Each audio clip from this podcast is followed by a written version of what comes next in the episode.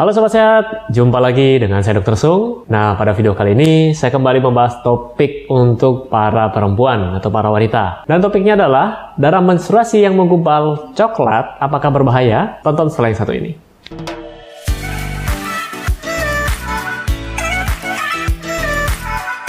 Sobat Sehat, untuk Anda semua yang selama ini masih banyak pertanyaan seputar diet dan cara menurunkan berat badan, Anda bisa tonton penjelasan lengkapnya di webinar.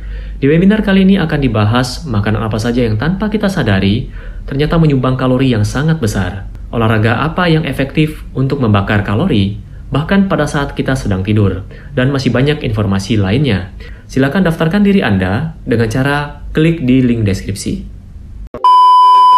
Oke Sobat Sehat, kalau kita bicara tentang menstruasi atau ada yang bilang datang bulan atau haid, jadi uh, saya jelaskan dulu apa definisi dari menstruasi. Jadi menstruasi ini merupakan peluruhan pembuluh darah pada dinding rahim bagian dalam ya. Jadi uh, dinding dalam rahim yang lepas keluar melalui vagina. Nah itu tadi adalah menstruasi. Dan normalnya proses ini berlangsung sekitar 3 sampai 7 hari dan siklusnya adalah uh, 21 sampai 35 hari. Jadi walaupun walaupun disebut dengan datang bulan, bukan berarti setiap perempuan akan menstruasi pada tanggal yang sama setiap bulannya. Misalnya bulan Januari tanggal 1, kemudian Februari tanggal 1, Maret tanggal 1, tidak seperti itu. Jadi sistemnya bukan seperti sistem gajian karyawan yang harus tepat waktu. Nah, karena ada rentang waktu tadi siklusnya ada antara 21 hingga 35 hari. Mungkin rata-rata orang sekitar 28 hari. Paling gampang mungkin buat Anda ingat adalah 28 plus minus 7 ya. Jadi 21 sampai 35 hari. Nah, kalau kurang dari 21 hari itu namanya polimenore. Jadi jumlah atau frekuensinya akan lebih sering.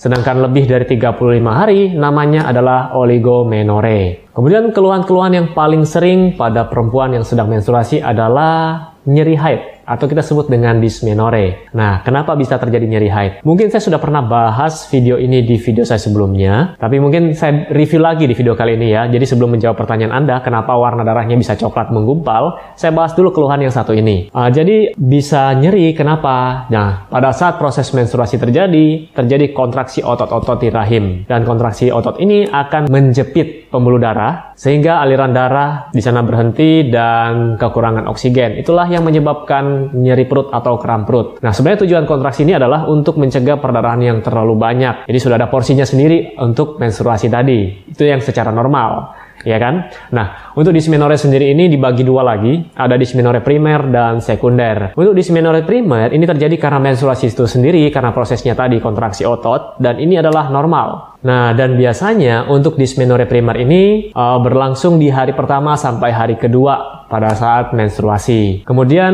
gejalanya yang dirasakan biasanya nyeri perut atau kram perut atau orang sini bilang dilep ya. Nah, itu bisa menjalar ke pinggang sampai ke punggung dan itu normal karena proses uh, kontraksi tadi, proses menstruasi tadi. Kemudian dysmenorrhea sekunder, nah kalau ini disebabkan karena berbagai penyakit. Misalnya adenomiosis, endometriosis, kemudian PID dan lain-lain. Di sini untuk kasus nyeri haid bagi Anda yang mengalaminya kalau itu ringan ya, Anda bisa menggunakan uh, obat-obatan painkiller. Contohnya kayak paracetamol, asam mefenama ya yang bisa Anda beli sendiri, tapi sekali lagi dibaca dan ikuti anjurannya. Ada nggak cara alami dok untuk kita yang, kita perempuan yang mengalami nyeri pada saat haid? Misalnya saya tidak mau minum obat nih, nanti takut efek samping misalnya ya. Anda bisa lakukan cara-cara berikut. Yang pertama, rutin berolahraga. Dengan Anda melakukan olahraga secara rutin, ini akan meningkatkan ambang nyerinya. Jadi setiap orang punya ambang nyeri yang berbeda-beda. Kalau Anda rutin berolahraga, maka ambang nyerinya akan meningkat. Jadi Anda tidak gampang merasa nyeri. Ya mungkin teman Anda nyeri sampai susah bangun, pada saat menstruasi Anda ya nyeri sedikit, ya tidak sampai mengganggu dan tidak perlu mengkonsumsi obat. Kemudian yang kedua, Anda bisa lakukan terapi akupuntur. Nah, terapi akupuntur juga ini bisa membantu Anda yang ingin menghindari anti nyeri, ya. Jadi bisa membantu melancarkan sirkulasi, membantu uh, proses mens Anda lebih baik. Kemudian yang ketiga, mengatur pola makan. Nah, ini sering saya sebutkan di video-video saya sebelumnya. Apa pun penyakit Anda, berapapun usia Anda, atur pola makan, atur lifestyle Anda dengan baik. Nah, kurangi makanan pedas, gorengan. Kemudian ada juga yang nanya, dok, apakah konsumsi air es boleh enggak di saat uh, mens? Untuk air dingin, untuk uh, kondisi dingin ya, suhu yang dingin, ini bisa meningkatkan rasa nyeri. Tapi setiap orang akan berbeda-beda lagi, dan ketika Anda konsumsi air es, di tubuh kita akan dinormalkan kembali, selama tidak kebanyakan kebanyakan. Jadi kalau mau minum ya dikit-dikit boleh. Jangan satu liter Anda minum air es semua. Ya, itu tidak dianjurkan walaupun Anda tidak sedang menstruasi. Lalu tips selanjutnya adalah hindari stres ya. Kalau bisa Anda sering-sering relax, relaksasi atau pada saat lagi kumat, lagi nyeri, Anda bisa tidur di tempat yang gelap. Kemudian Intinya buat tubuh Anda serileks mungkin. Anda mau dengar lagu silahkan. Kemudian ada satu tips lagi, Anda bisa ambil air hangat, masukin ke botol atau ke kantung plastik untuk kompres bagian perut Anda yang nyeri tadi. Dan saya rasa ini cukup efektif buat Anda. Ya kalau tidak, Anda bisa lakukan terapi yang lain yang sebelumnya saya sebutkan. Atau bisa menggunakan akupuntur ya. Pertanyaan selanjutnya, Nah, nyeri yang seperti apa yang saya harus mengunjungi dokter?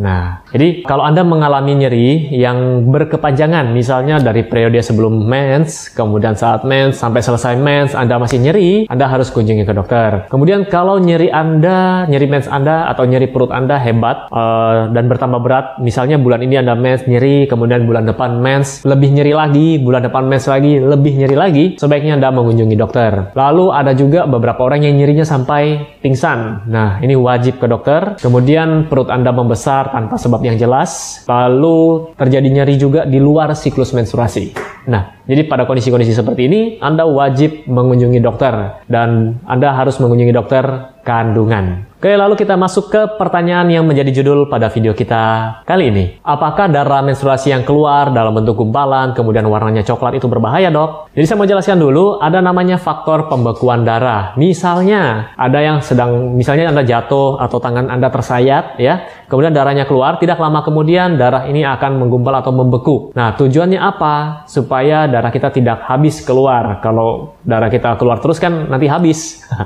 Oke, jadi pada saat perempuan menstruasi ini juga terjadi di sana ada faktor pembekuan darah. Jadi darahnya tadi akan menggumpal dan koagulasi atau membeku. Nah, makanya keluar itu bisa membentuk gumpalan. Kemudian kok warnanya bisa coklat, Dok? Warna darah itu kan normalnya merah. Jadi kenapa bisa berwarna coklat? Itu karena teroksidasi. Nah, contohnya Anda potong apel, Anda biarkan, tidak lama kemudian apel tersebut akan berubah warnanya menjadi kecoklatan. Jadi begitu pula dengan darah, darah itu akan berubah warnanya karena dia akan uh, tersimpan lama di sana dan akan teroksidasi. Itu tadi penjelasannya. Jadi semoga buat Anda para perempuan yang punya pertanyaan-pertanyaan tentang seputar menstruasi ya bisa terjawab di video kali ini. Semoga video ini dapat bermanfaat buat Anda semua dan jika Anda suka boleh Anda share share ke teman-teman Anda yang membutuhkan. Oke, sampai jumpa di video saya selanjutnya. Salam hebat, luar biasa.